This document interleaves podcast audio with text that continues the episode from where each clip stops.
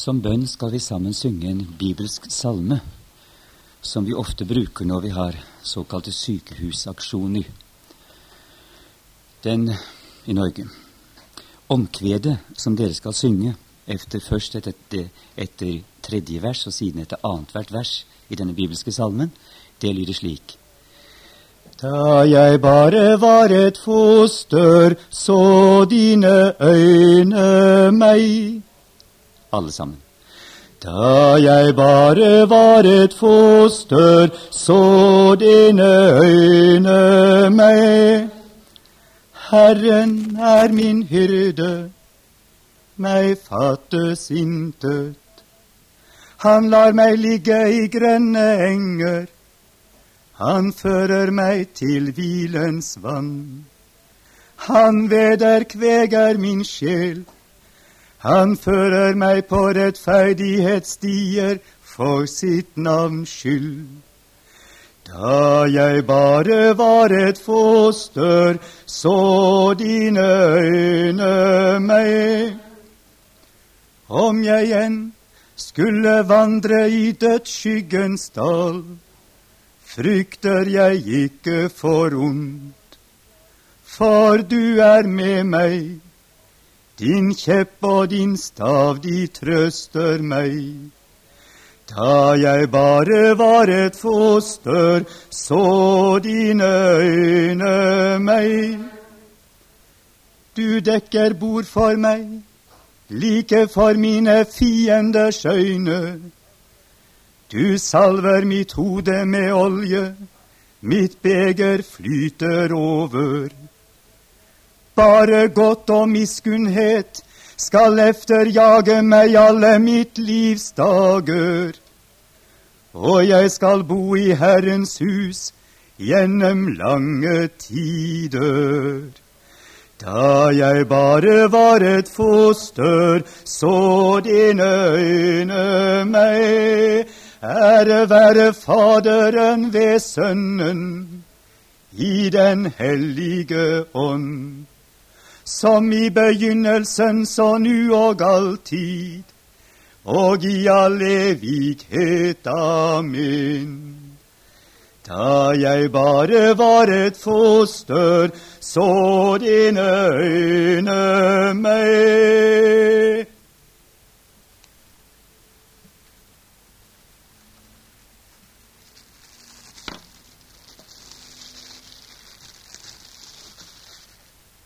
Olle Lim gissade ta ords. Av barns og dibarns munn har du grunnfestet deg en makt. Dette er profeten for vår tid. Og dette er vår tids martyr. Dette barnet dør fordi vår kultur har fornektet inkarnasjonen og fornektet den Gud som kalles Jesu Kristi Fader.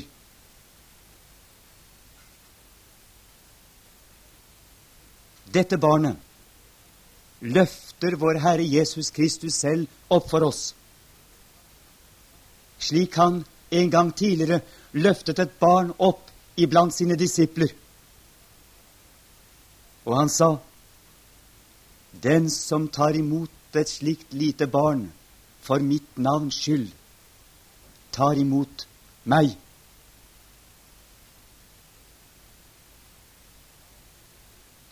Han som sitter ved Faderens høyre hånd med fem sår og kjærlighetens arr. Nei, seks er de sår han bærer. To i sine hender to i sine føtter, en i sin side, like ved hjertet, og navlen. Det arr som moders omsorg gav ham.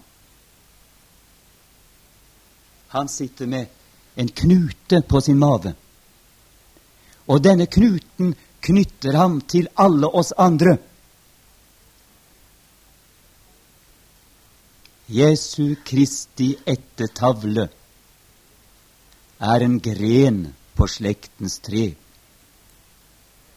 knuten på hans egen navle, knytter ham til slektens ved.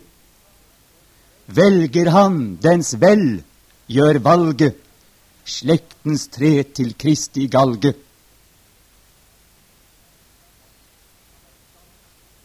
Han er oppstanden. Han har fått all makt i himmel og på jord i sine hender. Jomfruens sønn, vår bror.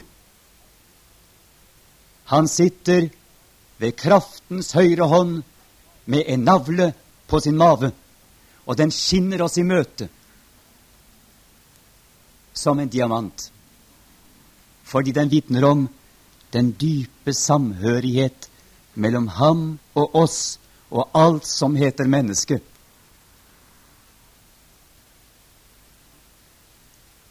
Adam hadde ingen navle.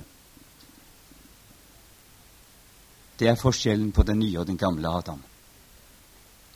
Solidaritetens knute.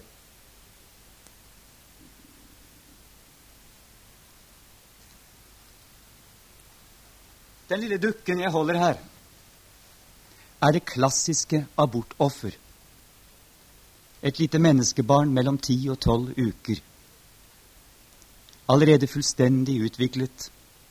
Det er en tro kopi jeg har vist den til mange mange leger, og de har alltid måttet erkjenne at dette var det rette bildet, det rette ikon. Her var deres offer. Og dette lille barnet har allerede sitt fingeravtrykk. Det har alle forutsetninger for å kunne få norsk eller dansk pass. Det har sin egen identitet. Kunne du ta fingeravtrykk av dette lille barnet på 11-12 uker? så vil du kjenne det igjen om 80 år.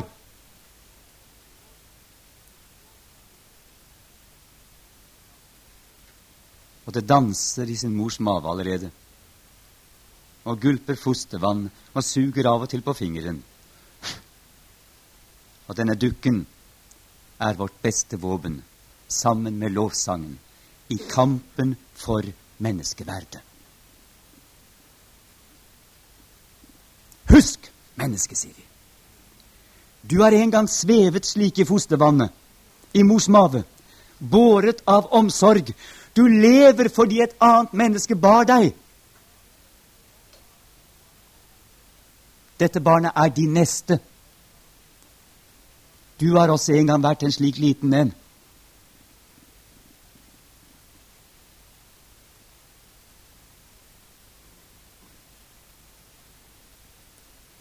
Du plikter å gi den hjelp som du selv hadde trengt, i samme situasjon.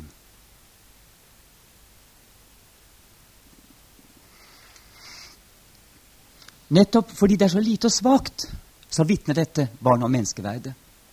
Det har jo ingen tittel. Det er ingen eksamen ved Menighetsfakultetet eller andre steder. Det har ingen status. Det er ikke noe navn. Det er totalt fornektet av de store og mektige. Det kan ikke gå i demonstrasjonstog. Det kan ikke stå på sine krav. Det er bare rett og slett menneske. Det er ikke kjent. Det har aldri fascinert noen. Det er bare seg selv. Lenge før noen vet om det. Og det har ingen annen verdi enn sin egen verdi, og det vil si sitt menneskeverd. Her ser dere mennesket avkledt alt, til og med størrelse. Men hvis menneskeverd er, så må dette mennesket ha det.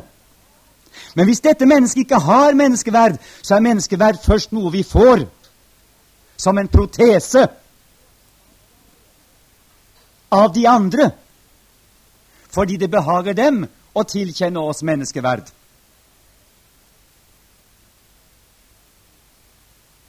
Nei, ingen av oss som er blitt til på samme måten, har rett til å spørre dette lille barnet hva har du her å gjøre. Legitimer deg. Vis oss ditt verd. Vis oss din betydning. Det er bare Titt, titt, her er jeg, sier Tommeliten. Og hva så?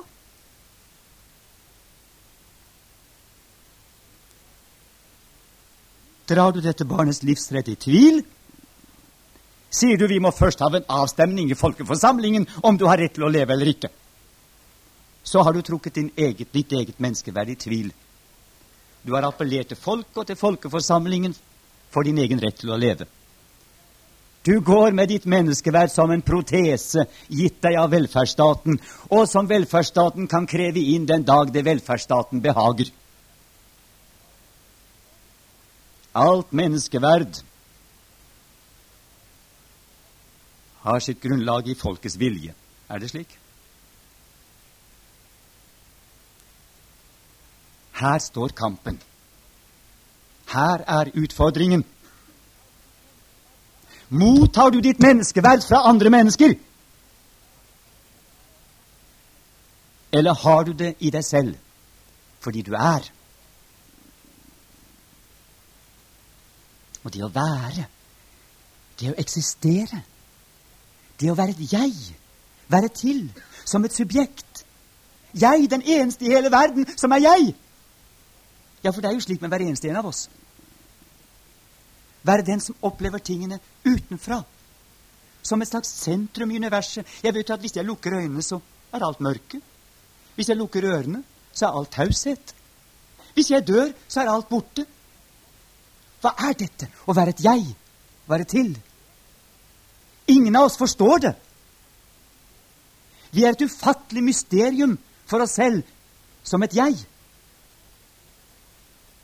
Det er et mysterium så dypt at det bare kan sammenlignes med Guds eksistens.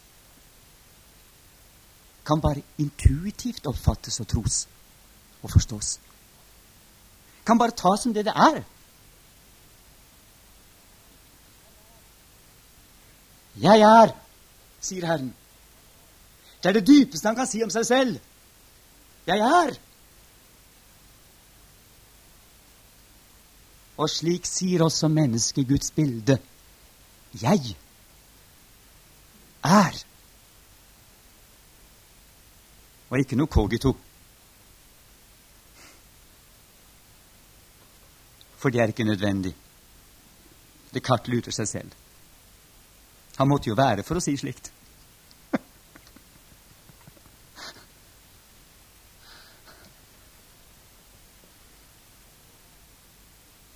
Nei, det å være, å være til, være gitt Det er et stort, stort mysterium.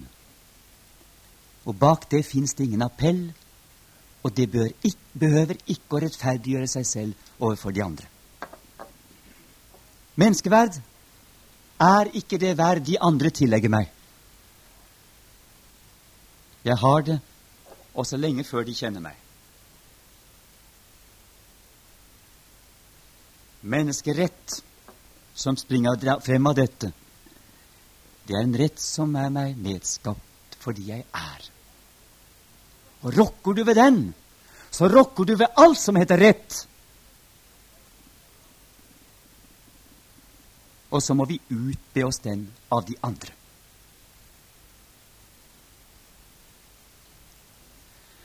Derfor så tror jeg at Gud Fader i sin ironi har løftet dette svakeste, minste mennesket opp iblant oss i sluttfasen av vår kultur for å rope til oss Adam, hvor er du? Menneske, hvem er du? Kom til deg selv! Erkjenn det dype mysterium som heter jeg. Jeg Herren.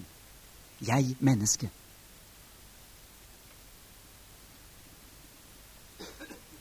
Kanskje gudbildeligheten også ligger nettopp i dette. Dette å være jeg og å være du. Ja, for dette, dette mennesket er jo da også et du. Ikke bare en ting, men et du. Et du som ikke bare moderen tiltaler når hun synger vuggeviser for det inni maven, men et du som jeg står overfor som en forpliktelse, som en utfordring, som noe som kommer til meg fra Gud. Fordi det bærer Guds bilde. Gud møter meg her. Det I har gjort imot en av mine minste brødre, det har I gjort imot meg.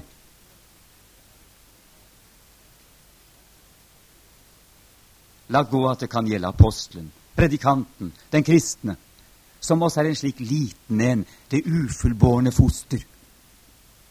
Kastet på Gud. Hjelpeløs fordi det er kastet på Gud.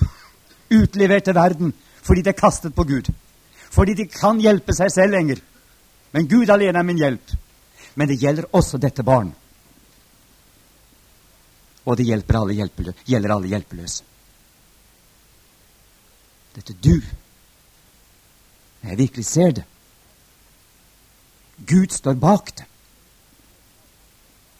Gud prøver meg når jeg møter min neste, også i barn i mors liv.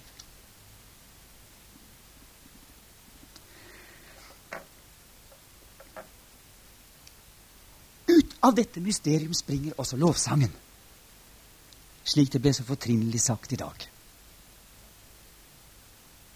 Når mennesket slik erkjenner sin totale avhengig av Gud og blir som det ufullbårne foster.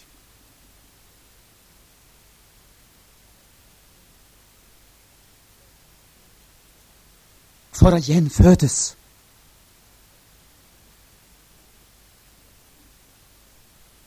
Det er ikke for ingenting at Herren bruker bildet gjenfødelse. Og det er ikke underlig at Nikodemus spør kan et menneske for annen gang komme inn i mors liv. Det er en dyp solidaritet og samhørighet mellom det Guds barn som vi bærer i oss, unnfanget ved Guds ords sæd, det som en gang skal fullfødes på oppstandelsens dag. Det er en dyp solidaritet og samhørighet mellom Guds barnet i kirkens skjød og det ufullbårne foster i mors mage. Det er et nært åndelig slektskap, og egentlig også fysisk slektskap. Det er den samme skapende Gud som er på ferde. Det er det nye liv som blir til, og som blir båret. Som Maria bar Jesus under sitt hjerte, så bæres vi alle av Guds ånds omsorg i det morsliv som heter Kirken. Kirken er mor.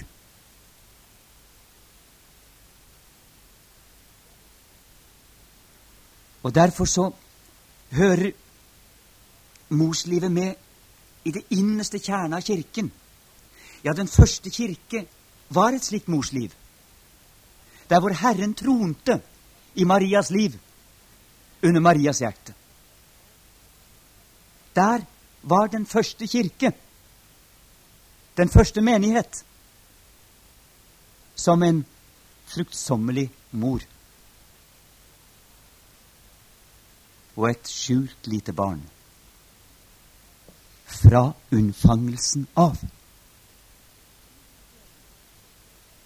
Ingen steder har Gud Fader bekjent seg så sterkt til menneskeverd fra unnfangelsen av, som gjennom sin sønn, som ble menneske, og som var Gud og mann fra første stund.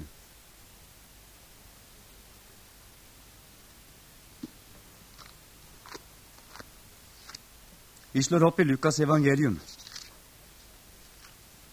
For det er feil at Jesus kom til jorden på julaften, det vet vi nå. Vi må slutte å si det. Han ble vårt medmenneske lenge før.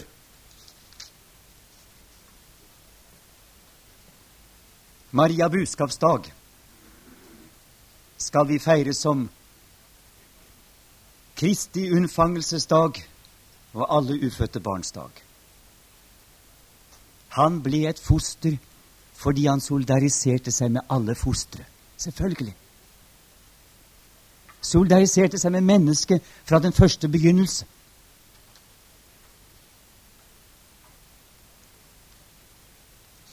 La oss lese hvordan lovsangen blir til i denne kirken. Vi leser fra Lukas evangelium i det første kapittel. Og fra det 38. vers. Da sa Maria, Se, jeg er Herrens tjenerinne. Meg skje efter ditt ord. Og engelen skiltes fra henne.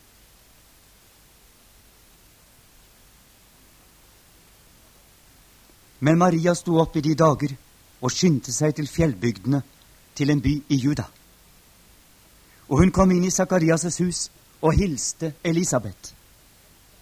Og det skjedde da Elisabeth hørte Marias hilsen. Da sprang fosteret i hennes liv. Og Elisabeth ble fylt med Den hellige ånd og ropte med høy røst og sa:" Velsignet er du blant kvinner, og velsignet er ditt livs frukt.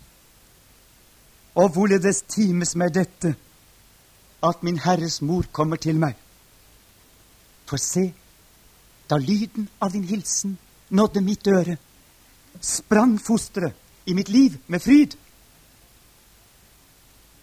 Og salig er hun som trodde, for fullbyrdes skal det som er sagt henne av Herren. Her har du for det første en profet som er kalt av Gud til å være Messias' forløper. Her møter du ham, seks måneder gammel, i mors mage.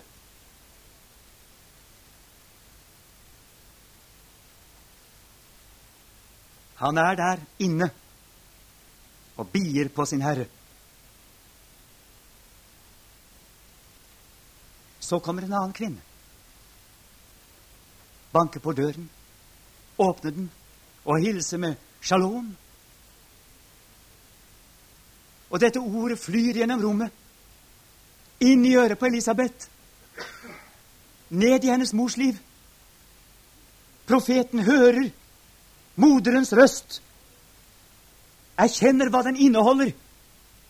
Inneholder freden fra Gud, Sønnen, Herren. Han tolker hilsenen og skjønner at Herren er nær. Og begynner å danse i mors mage.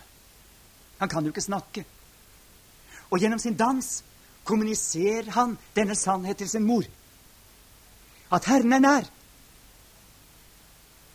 Og moderen tar imot hans forkynnelse og blir gjennom ordet fylt av Ånden og taler fordi hun tror.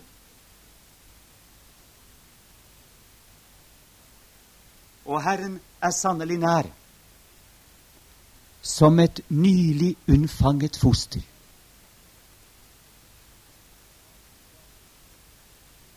Bare noen dager gammelt i høyden. Den tid det tar å gå fra Nasaret til en Kerm, eller hvor det var henne, i nærheten av Jerusalem. Eller kanskje unnfangelsen fant sted på veien? Eller kanskje det skjedde gjennom møtet med Elisabeth. Det vet vi ikke. Men i hvert fall Herren var nær, som et nyunnfanget foster. Som et ørlite befruktet egg var han der, himmelens og jordens herre. Gud og menneske forenet. Han var Jesus fra første stund, men klart definert identitet. Det var ikke noe han først ble gjennom en utvikling. Og Dette skapte store problemer for fedrene, fordi de opererte med antikke teorier om en viss formning i mors liv før mennesket ble menneske. Men det skaper ikke problemer for moderne genetikere.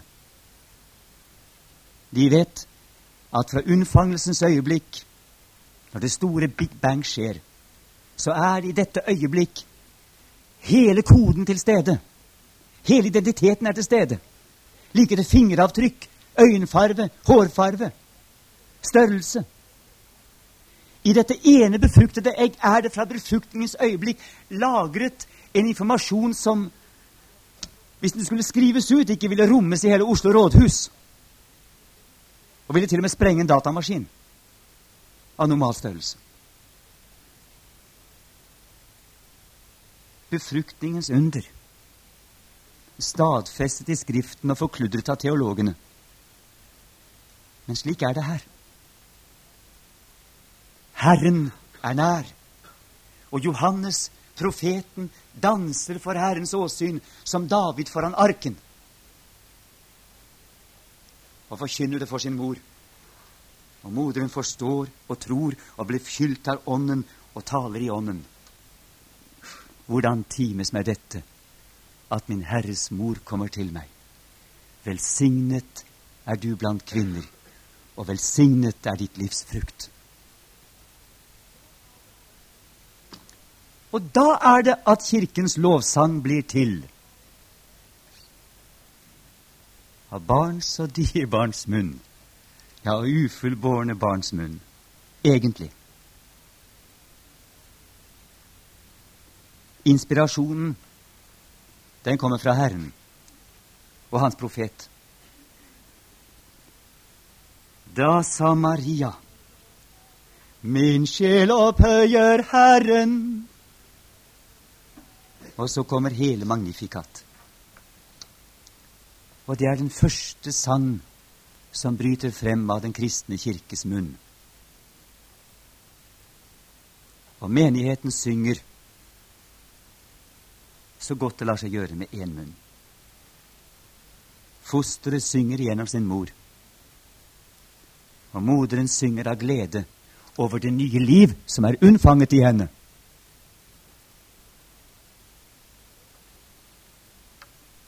Og Det er jo akkurat dette nye liv som er unnfanget i oss, som bryter frem i vår tro og vår lovsang. Dette som Gud alene kjenner og ser, da jeg enda var et foster, så dine øyne meg. Slik må vi også bekjenne i dag. Hva skulle han ellers se? Ser han det vi, vi ser i speilet? Ser han det gamle mennesket? Han ser det nye mennesket Kristus. Han ser det som er unnfanget. Født og unnfanget betyr det samme i NT. Han ser det som er unnfanget av Guds osed. Gjenfødelse er ikke noe fullbyrdet før oppstandelsen. Der ligger som sagt den dype solidaritet. Og ut av dette springer Marias lovsang.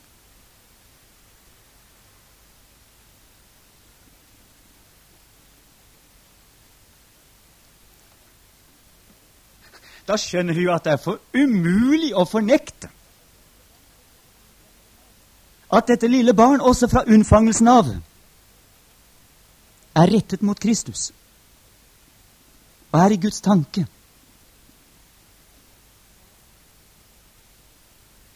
Er en liten bror som Kristus gjør seg til ett med der inne. En neste som han er forpliktet på, og som han elsker med guddommelig nidkjærhet.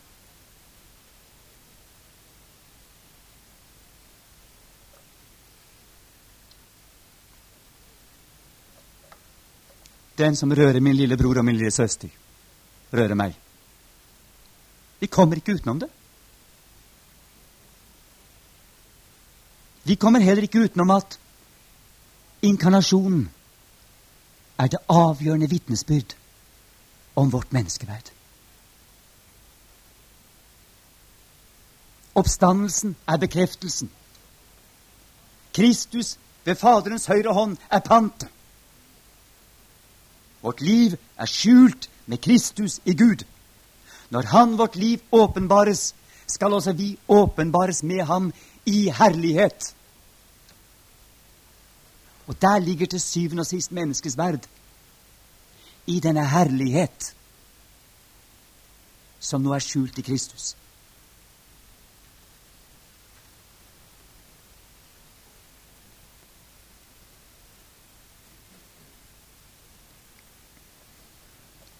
Dette barnet blir jo nesten som et slags sakrament for oss. Et tegn mot endetiden. Et eschatologisk tegn, egentlig.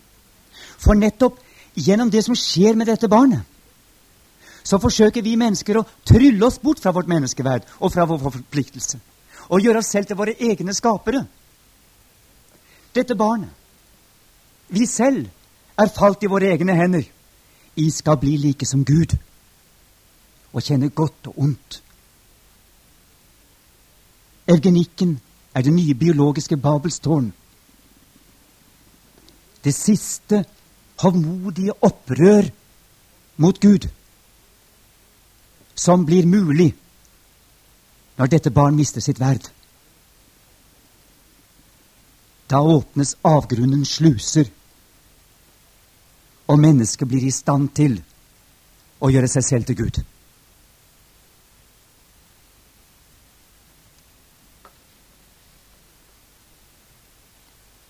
Et endetidstegn, disse millioner av drap. Og den eksperimentering som skjer i ly av at de har mistet sitt menneskeverd fra unnfangelsen av. Det er antikrist mirakler, den store forførelse, som fører oss bort fra inkarnasjonens Gud og omtolker oss i dyrets bilde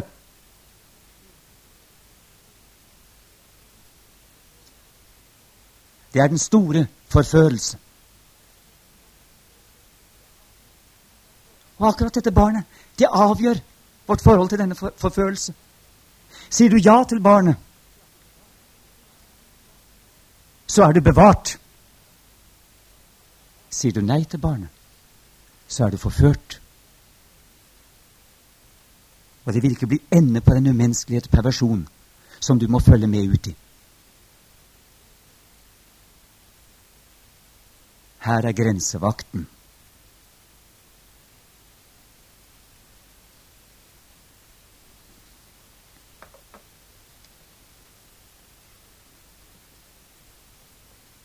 Jeg fikk en gang besøk av en gammel venninne som ikke hadde sett på mange mange år. Hun var jurist. Hun visste om meg, men hun hadde holdt seg unna meg, for hun var rødstrømp og hadde et helt annet syn enn meg på abortsaken, og jeg var veldig kontroversiell. Så plutselig en dag så dukker hun opp hos meg litt opprømt. Hun fortalte at hun var tilsynsjurist ved et åndssvakehjem, som vi kalte det i gamle dager. Et sted hvor de hadde veldig dårlige pasienter, slike som lå med store vannhoder og egentlig bare var til som såkalte grønnsaker, som man sier.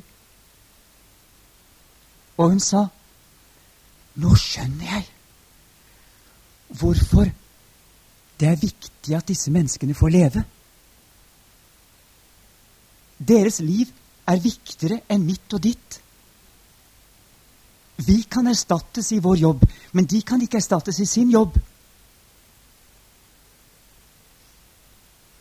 Ja, hva Hva slags jobb har de, da, spurte jeg, som gjør den så betydningsfulle? De er grensevakter for menneskeverdet. Når de får leve, så får alle de andre leve også.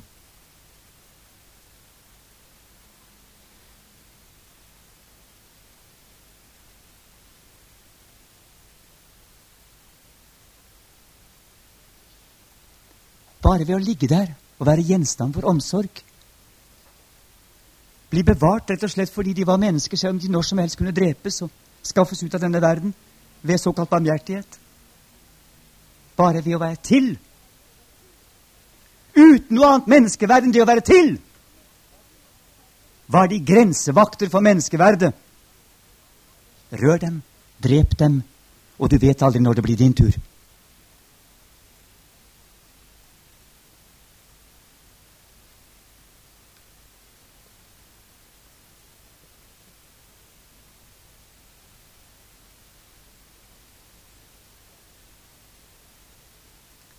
Det er ikke de nye abortlover som skapte den store katastrofe. Den store katastrofe kom til Norge i 1960, og den ble satt ut i livet i 1964. Da fikk vi vår første lov om abort. Det vil si altså den første lov som forsøkte å lovregulere barnedrapet. Og det var en streng abortlov. Det gjaldt bare liv og helse. Og eh, det tilfellet at det var mistanke om arvelig sykdom eller fosterskade. Allerede i 1964 fikk vi altså en lov som egentlig i prinsippet opphevet menneskeverdet. Og ga samfunnet gjennom nemnder mandat til å avgjøre hvilket barn som var ønskverdig, og hvilket barn som skulle ha rett til å leve eller ikke. Allerede med de strengeste abortlover så tiltar samfunnet seg et mandat som de ikke har, og røver dette mandat fra Gud. Og det var der det skjedde. Et lite hull i demningen i forsvaret for menneskeverdet.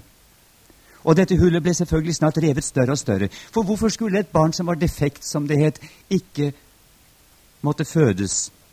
Kunne ønskes bort, i hvert fall. Jo, det var jo fordi det ville bli en byrde. Ja, men hva med de barn som da blir sosiale byrder? Ja, så fikk man et problem, et tankemessig problem. Hva med de barn som opptatt seg byrder av andre grunner?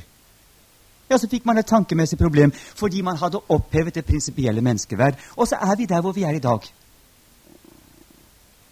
Abort. Av en hvilken som helst streng grunn åpner i sin konsekvens for selvbestemt abort.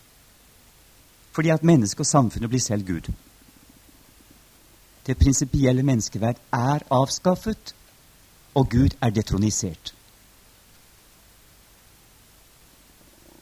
Samfunnet har tiltatt seg et mandat som det ikke har.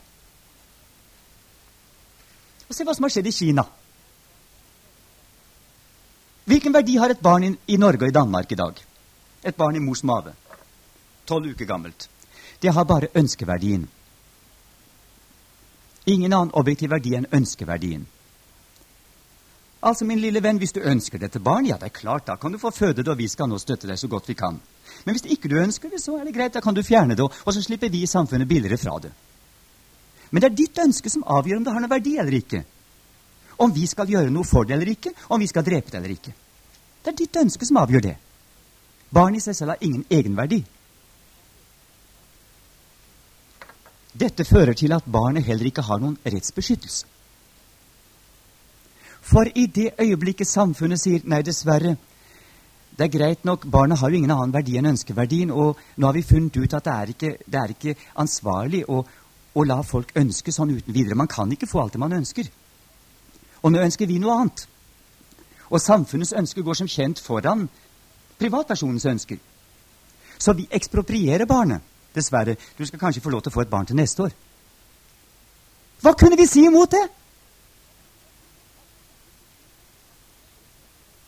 Har vi rett til å bebyrde samfunnet med våre ønsker? Vi er jo snart tvunget til å kjøre med blyfri bensin, selv om vi kunne ønske å kjøre med noe annet. Og hva med ønsket om å kunne røke? Og hvis et barn blir en pest og en plage, hva så?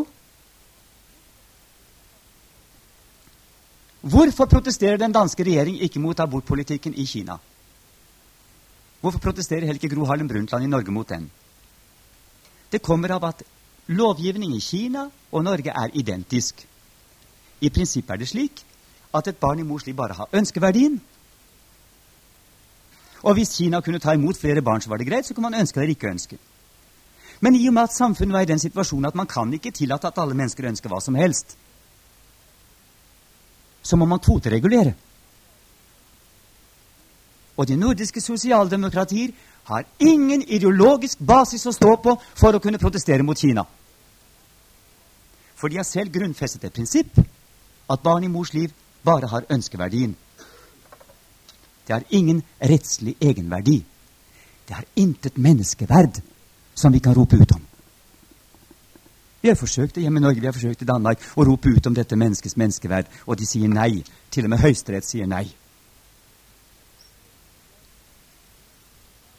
Så ser vi igjen hvordan krenkelsen av menneskets grunnleggende rett fører oss inn i de forferdeligste situasjoner. Tvangsaborter, selektive aborter, eksperimenter. Vi styrter ut i fortapelsens avgrunn og mister bildet av oss selv. For ikke å snakke om bildet av Gud.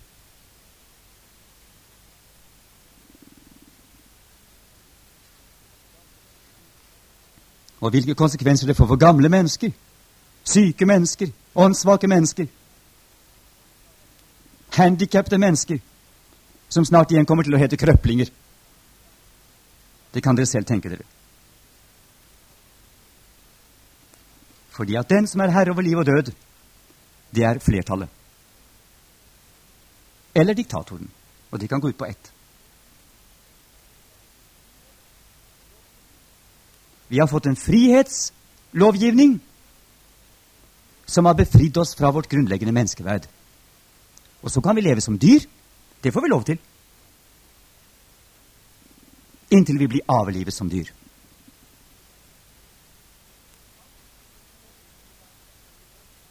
Alle frihetslover som det moderne mennesket har gitt oss, er egnet til å oppløse vårt menneskeverd og vårt selvbilde som mennesker.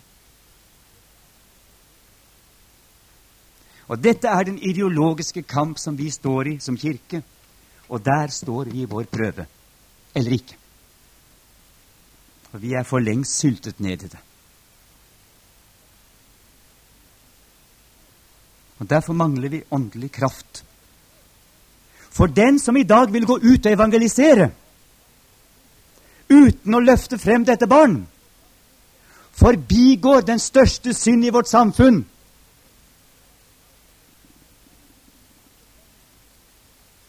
styrker de ugudeliges hender og snakker om andre små synder som skattesvik og slikt. For det er jo alvorlig, det som har med penger å gjøre, dere. Det som er keiserens bilde. Men hva med Guds bilde? Og vi kommer aldri til kjernen, og vi får aldri en folkevekkelse. Min lille hustru sa det slik en gang. Om abort, om fosterdrap. Hvis ikke dette er synd, da er ingenting synd. Da er vi fri. Gud og det hele. Det er sant. Du kan ikke i dag vinne noen for Jesus uten å stille dem overfor dette valget, overfor denne skylden, overfor dette ansvaret. Dette er folkesynden, som er kallet til omvendelse for våre land og nasjoner i dag. Og hvis vi forstår det, så kan vi plutselig se også at å bruke det paulinske hvor synden ble stor, ble nåden enda større. Skyld, synd, synd som holder på å bli erkjent, synd som menneskene ikke kan fri seg fra, ikke kan bedøve seg fra, synd som jager mennesket hele livet er et veldig potensial i Guds hånd og for Guds ånd. Tenk dere den situasjonen at bare en eneste kvinne som virkelig følte sin skyld, brast i gråt på TV-skjermen i hele folkets påsyn og fortalte om sin smerte, om sin forfølelse, om sin anger, om det nye liv hun hadde erfart.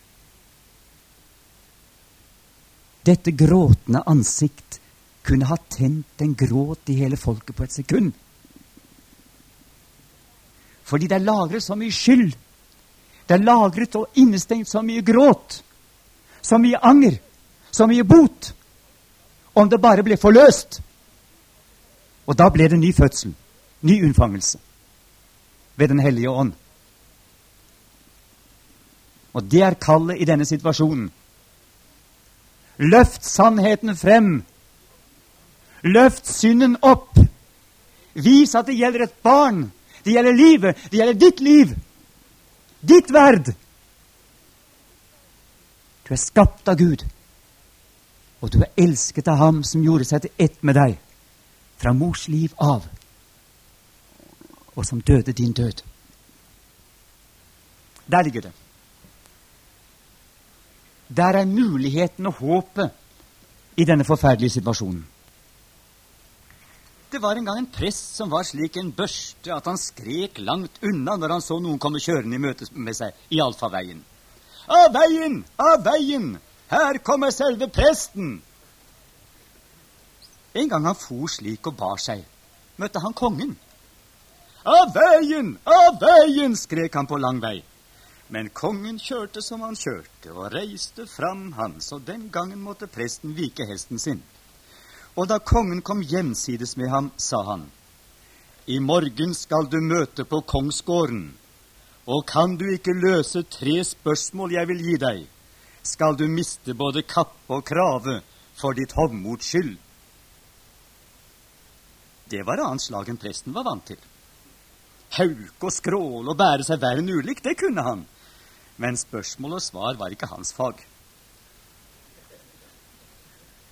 Så reiste han til klokkerum, som hadde ord for å være bedre i kappen enn presten var.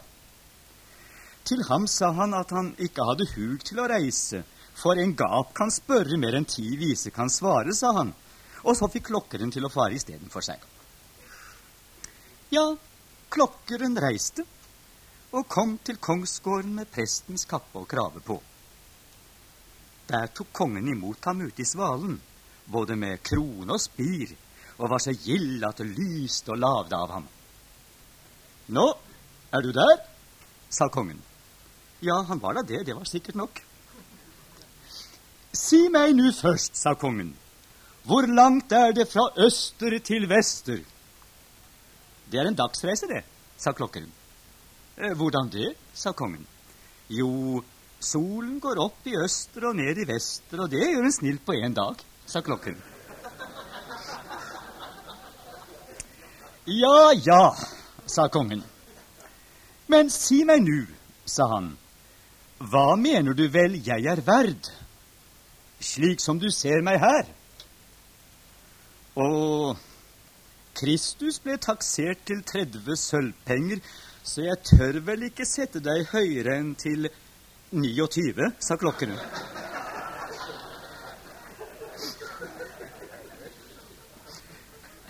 Nå, nå, sa kongen. Siden du er så klok på alle slag, så si meg hva det er jeg tenker nå.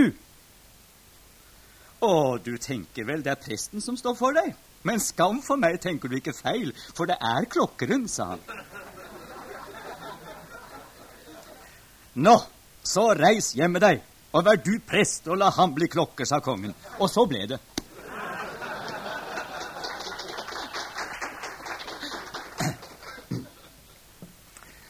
Her har vi altså en konge som vil takseres og spør om sitt verd, og må nøye seg med 29 fattige sølvpenger, litt under Kristi pris. Og allikevel, det er noe som klinger i øret på oss nå. Du gjorde ham lite ringere enn Gud. Det klokkeren kunne ha svart, var selvfølgelig noe helt annet. Han kunne sagt 'kongen er døpt', vet jeg. Og han er merket med korsets tegn på panne og på bryst, vet jeg. Og det må vel bety at han er verdt Guds sønns død, vet jeg.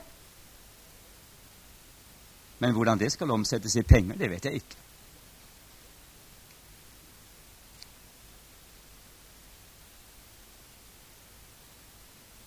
Som jeg forsøkte å si i den forrige sekvensen, så er det jo nettopp det å gjøre mennesket oppmerksom på dets eget evige verd. Det gjelder når vi skal forkynne evangeliet. At mennesket kan komme til seg selv som skapt i Guds bilde, og bli konfrontert med denne forferdelige sannhet at jeg er så mye verd. Jeg har en slik verdighet, også til dom, at Kristus måtte gi sitt liv for meg om jeg skulle bli frelst. Og han har gjort det. Han har kjøpt meg med sitt eget dyrebare blod. Ikke med gull og sølv, men med sitt eget liv, som like for like.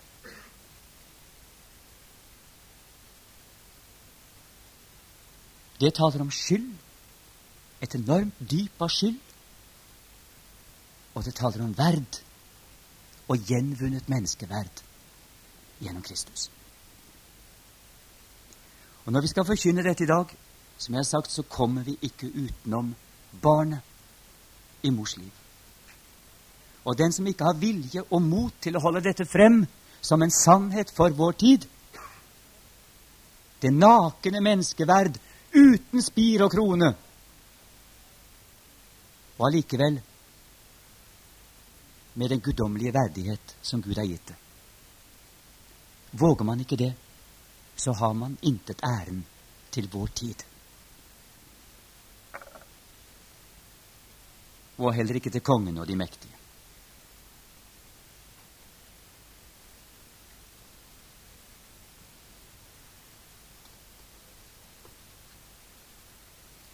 For å konkretisere dette så har jeg lyst til å lese et lite brev for dere som i sin, sin tid ble sendt til Kirkens biskoper, hvor vi forsøker å konkretisere det ansvar som Kirken har, helt konkret i denne situasjonen, der og da, om dere vil, der hvor barna blir drept. Brev til Kirkens biskoper fra Aksjon Nytt Liv. Kjære biskop. Hver uke drepes mange små barn i ditt bispedømme. Vi sikter ikke til alle de tragiske trafikkulykkene, men til overlagte drap som utføres av leger ved offentlige sykehus. Ofrene er barn i mors liv. For noen få år siden kunne vi ha alarmert rettsvesenet. De skyldige ville blitt anholdt og idømt strenge straffer. Men i dag har ugjerningsmennene loven på sin side. Prøver noen på egen hånd å hindre drapene, så kommer politiet og rydder veien for moderne. Det hjelper ikke å appellere til det femte bud i Guds lov. For kongen har sanksjonert lov om selvbestemt abort og stiller statens makt og midler til rådighet for gjennomføringen av loven. Ansvaret går altså helt til topps i samfunnet. Det er statsmakten som dreper hvert eneste av disse barna i ditt bispedømme.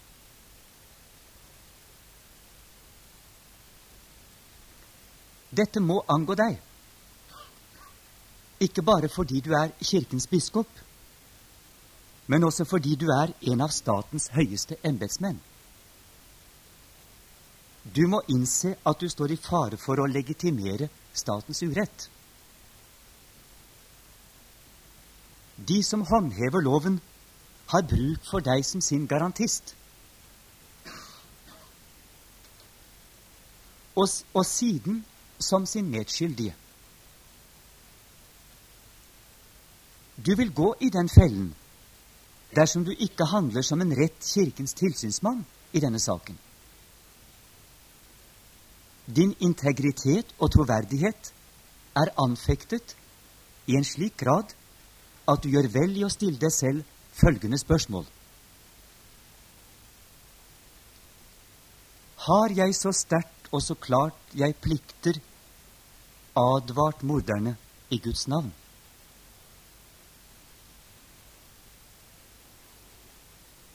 Har jeg formant helsepersonellet i mitt bispedømme til å bruke den reservasjonsrett som er tilkjent dem i loven? Eller til sivil ulydighet? Har jeg benyttet min rett til å visitere de institusjoner der drapene finner sted?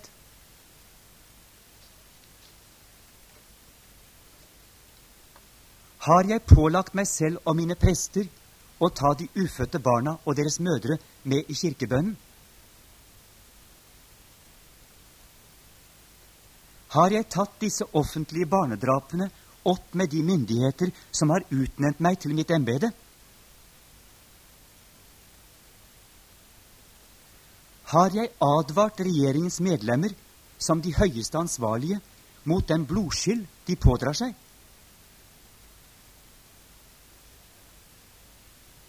Har jeg vist så mye omsorg for deres frelse at jeg har fortalt dem om himmerikets nøkler.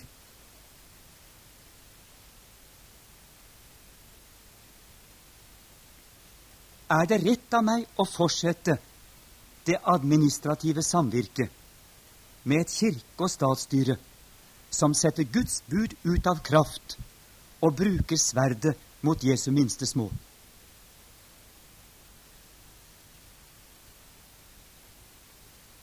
Som biskop har du et selvstendig myndighetsområde, uavhengig av statens makt.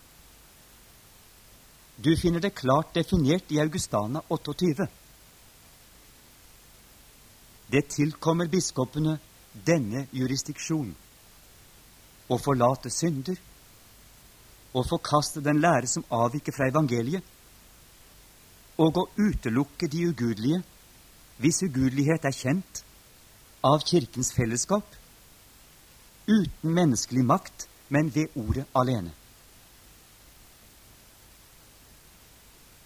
Vi vil be om at du må få mot og kraft til å gjøre det Guds ord og bekjennelsen pålegger deg i en situasjon som denne, så du ikke blir en medskyldig ifølge Esekiel 33, 33,8. For Aksjon Nytt Liv, Ludvig Nessa Børre Knutsen. Så er det konkretisert. Og det som er sagt til biskoper, er sagt til hele Kirken. Vi er ett legeme.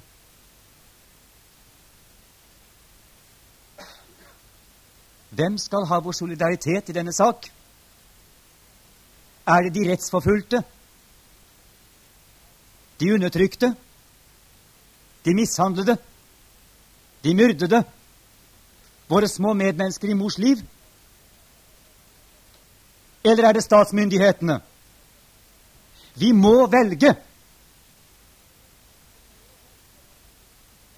Hvis vi inkluderer disse barna, så må vi utelukke morderne.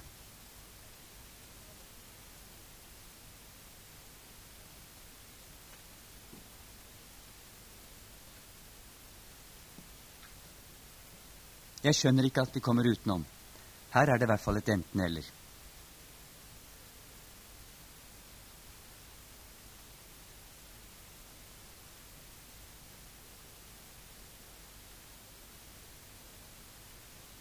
Jeg mener at et slikt kirkestyre og slike myndigheter er anatema i Kristi menighet. Og det mener jeg. Og når jeg sier det med affekt, så er det fordi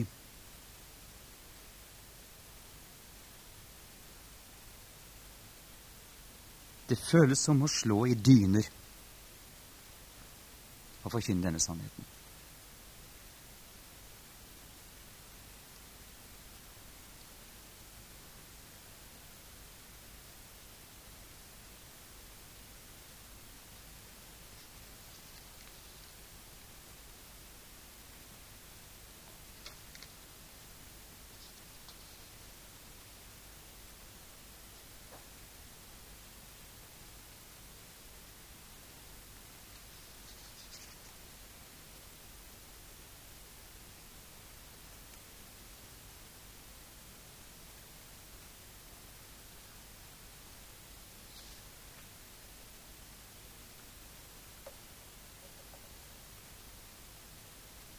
Kan jeg få lov til å holde en liten preken for dere? Det er en preken fra, fra Balsfjord.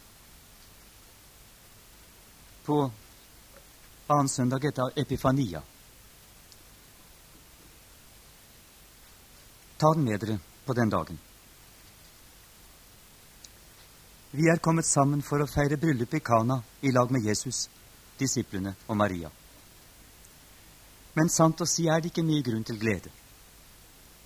De store stenkarene flyter over av synd og sorg og anklager. Vi må bare regne med at siden midnattmessen i Kjølstad kapell er bortimot 700 barn allerede drept i mors liv. De fleste av drapene fant sted poliklinisk, men alle sammen ved offentlige sykehus. Før året er omme, vil vi ha passert 15 000, om ikke Gud gjør noe radikalt for å vekke folkets samvittighet. Men 15 000 utskrapte kar vil flyte over som et hav av angst, skyld og anklage. Det bitre fostervannet fra 15 000 svekende og mishandlede kvinner vil flyte fortiet og tildekket ned i selve grunnvannet, forgifte hele folkets sjel. Gleden over livet blir langsomt borte, for vi har sagt nei til selve livet. Når vi skjønner det, da er vi i syndenød. Og når folk er i syndenød, da er det bare Gud som kan hjelpe dem. Det er syndenøden som driver oss sammen som en flokk forskremte sauer her i dag. Vi klynger oss sammen rundt den gode hyrde, for han har sagt, hvor to eller tre er samlet i mitt navn, der jeg er midt iblant dem. Og når han kommer til, gjør han den enkleste gudstjeneste til en bryllupsfest. Han forvandler dette beske vannet til vin. Vår angst blir til fred. Vår sorg blir til glede. Vår skyld blir til den fylde av liv som heter syndenes forlatelse. Og vi selv er ikke lenger en forskremt saueflokk, men levende stener i et hellig tempel, et kongelig presteskap, Guds eiendomsfolk. Som en helligdom for Herren er vi satt til å vitne om Guds nåde og herlighet. Alt det folk før fant i Jerusalems tempel, skal de nå finne i Kristi menighet. Åpenbaring i ordet, forsoning ved blodet og frelse ved alterets horn. Guds menighet skal være et tilfluktssted for alle mennesker som er jaget av djevelens makt og anklage. Dukken som klamrer seg til korset nyttårsnatten, det var sett på TV over hele landet skal minne oss om at Guds hellige alter også er det siste tilfluktsstedet for barn i mors liv. I menigheten, hvor korsets evangelium forkynnes klart og rent, finnes det ennå forsvar for mor og barn. Storting, regjering og Høyesterett har satt de ufødte barn utenfor loven. Dermed har de tatt fra mor det vern hun ville hatt om hennes barn var vernet av loven. Samfunnet presser, og helsevesenet dreper blindt på bestilling. Der går alt på samlebånd. Bare den bekjennende kirke forsøker å verge barna, og bruker de våpen som Gud har gitt menigheten, ordet og nøklene Nøklemakten er selve nøkkelen i denne situasjonen. Menigheten forstår at de som forfølger barna, må stenges ute av det huset hvor barna har fått sitt siste tilfluktssted.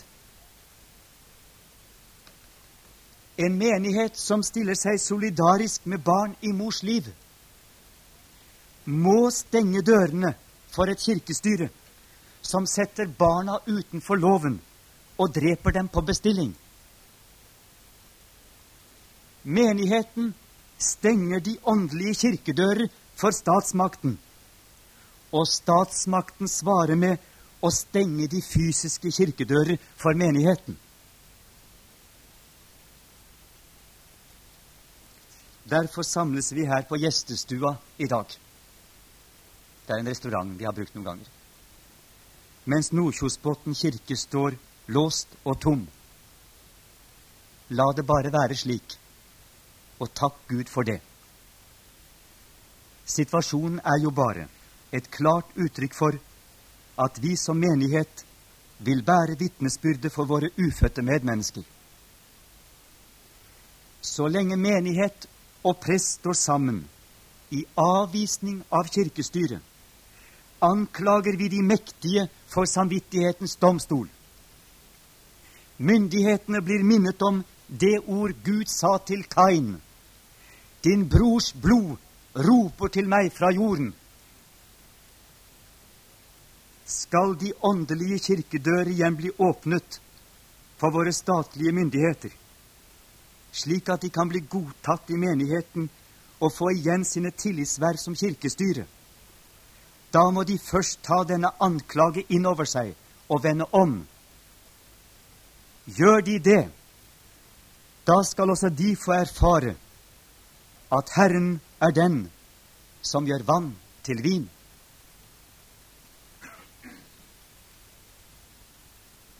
La oss be.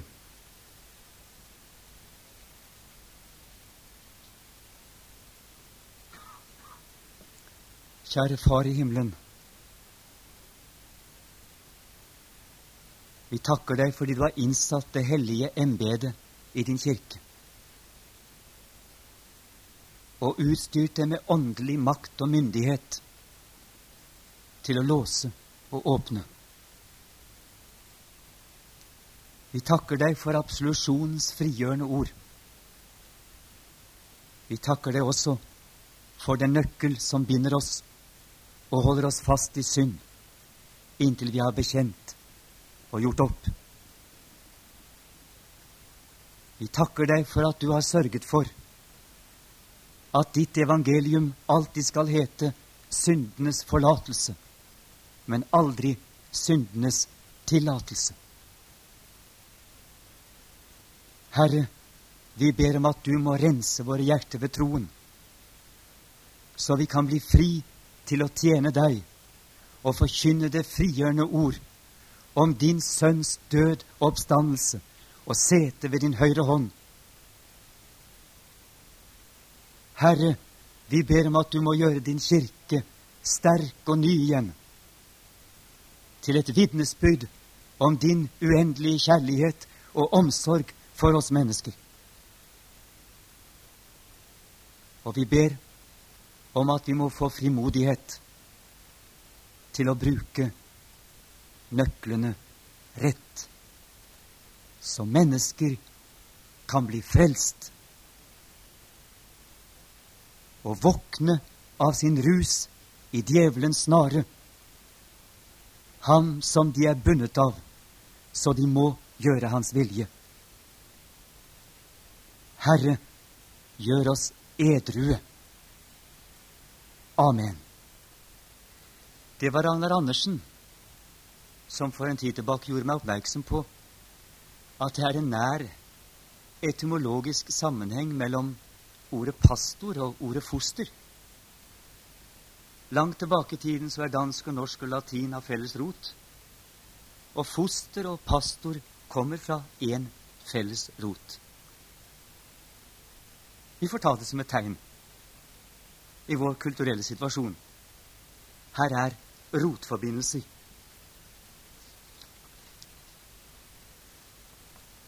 Pastor betyr en som fostrer.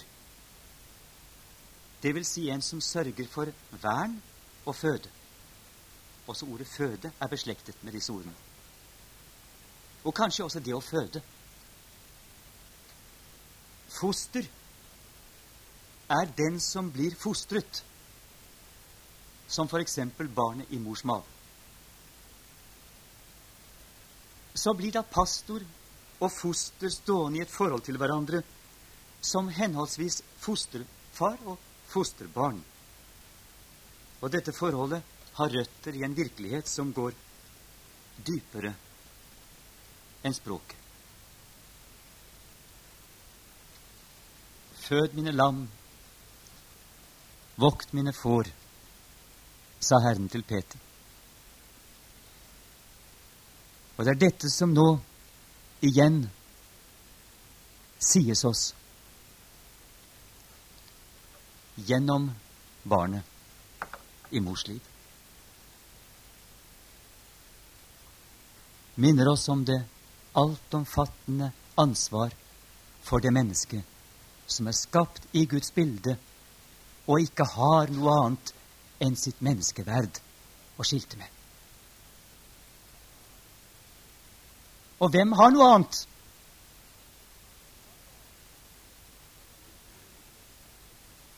når det kommer til stykk. Når det kommer til kris. Når det kommer til selvmordets avgrunn.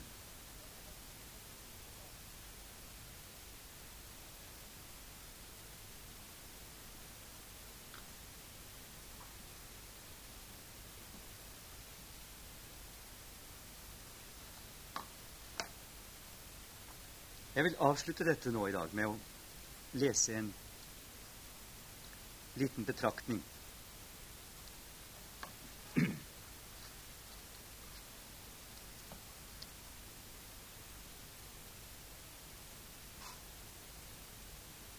Provosert abort,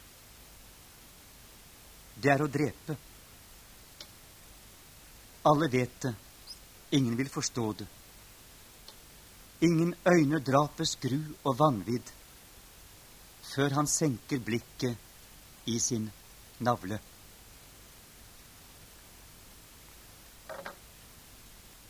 Navlen, dette underlige arret som du bærer midt i kroppens sentrum, der hvor Leonardo setter spissen på sin passer når han slår den sirkel som berører tær og fingertupper. Navlen, sentrum i det mikrokosmos som er du. Og ikke bare geometrisk, men genetisk.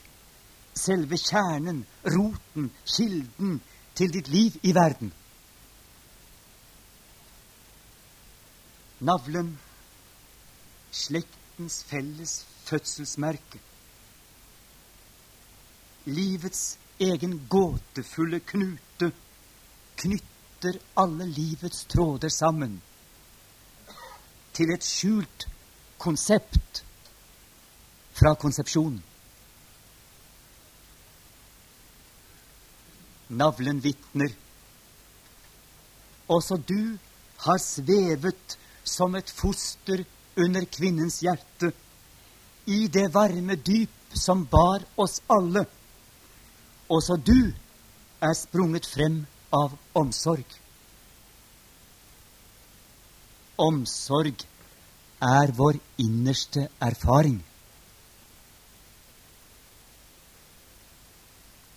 Lenge før vi hadde andre grunner til å leve, levde vi av omsorg, som om den var livets hele mening. Fikk vi siden noen bedre visdom?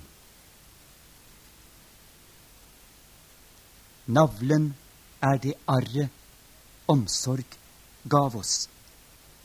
Arret roper, 'Husk at du ble båret'. Barn har samme rot som ordet byrde.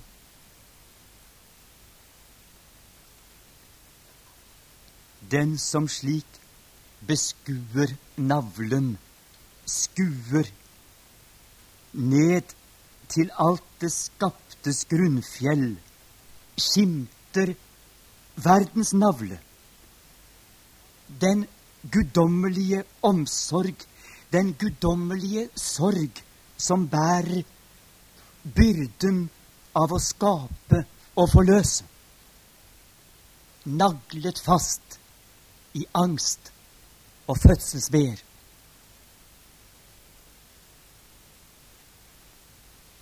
Omsorg heter verdens dype sentrum, hvor den store mester setter spissen på sin passer når han slår den sirkel som kan favne alle horisonter, som i mikro, så i makrokosmos. Ringen sluttes først i tidens fylde. Når den Gud som bærer alt i omsorg, overgir seg selv til kvinnens omsorg.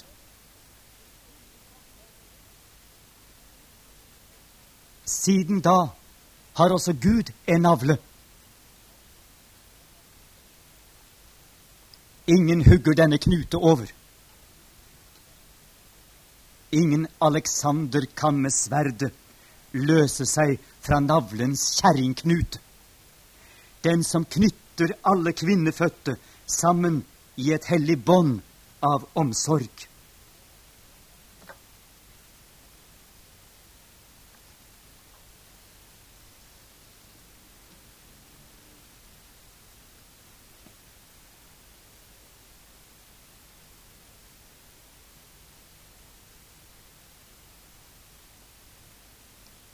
Men så møter vi tidens tanker, tidens kynisme, som kler seg i grønn økologisk kappe og spør Hva skal vi gjøre med dette lille romskipet vårt, som skal fortsette rundt solen i mange tusen år enda? Det er jo bare en liten livbåt i kosmos. Hvem skal vi satse på å berge? Hvem må vi ofre?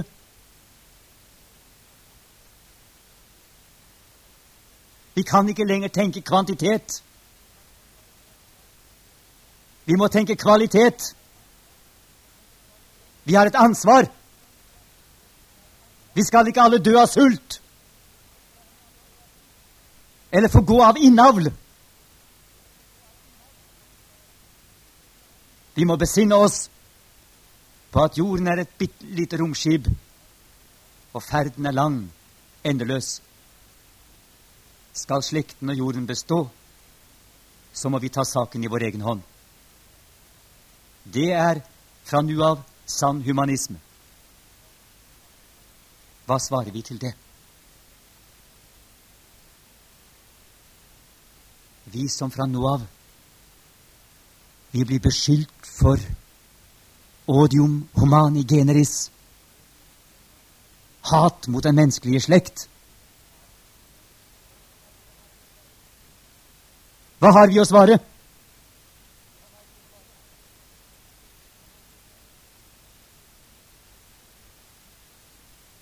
Vi sier vi vil fortsette å ta vare på barna.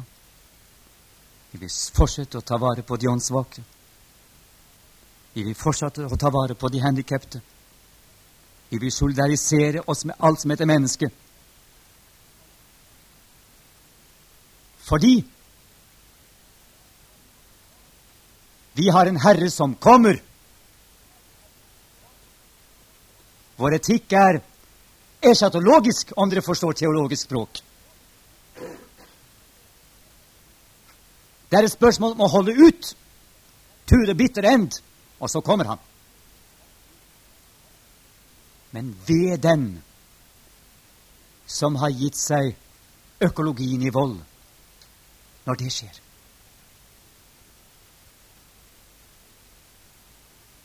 Ved den som har sviktet Herrens minste små, fordi han hadde mistet troen på at båten ville bære. Hold ut, roper Herren. Jeg kommer. Jeg kommer gjennom veene. Jeg kommer gjennom stormværet. Men hold ut, for Guds skyld. Det blir vårt svar. Vi venter på vår bror i himmelens skyer. Han som skal dømme levende og døde og Han som vil spørre oss hvor er mine små? De som jeg betrodde i eders omsorg.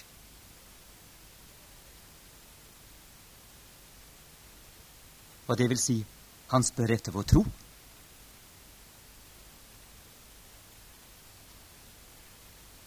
Han spør etter vår tro. For ingen kan fornekte dette barnet uten å fornekte den Herre som har forløst ham. Ikke etter dette. Du har hørt det.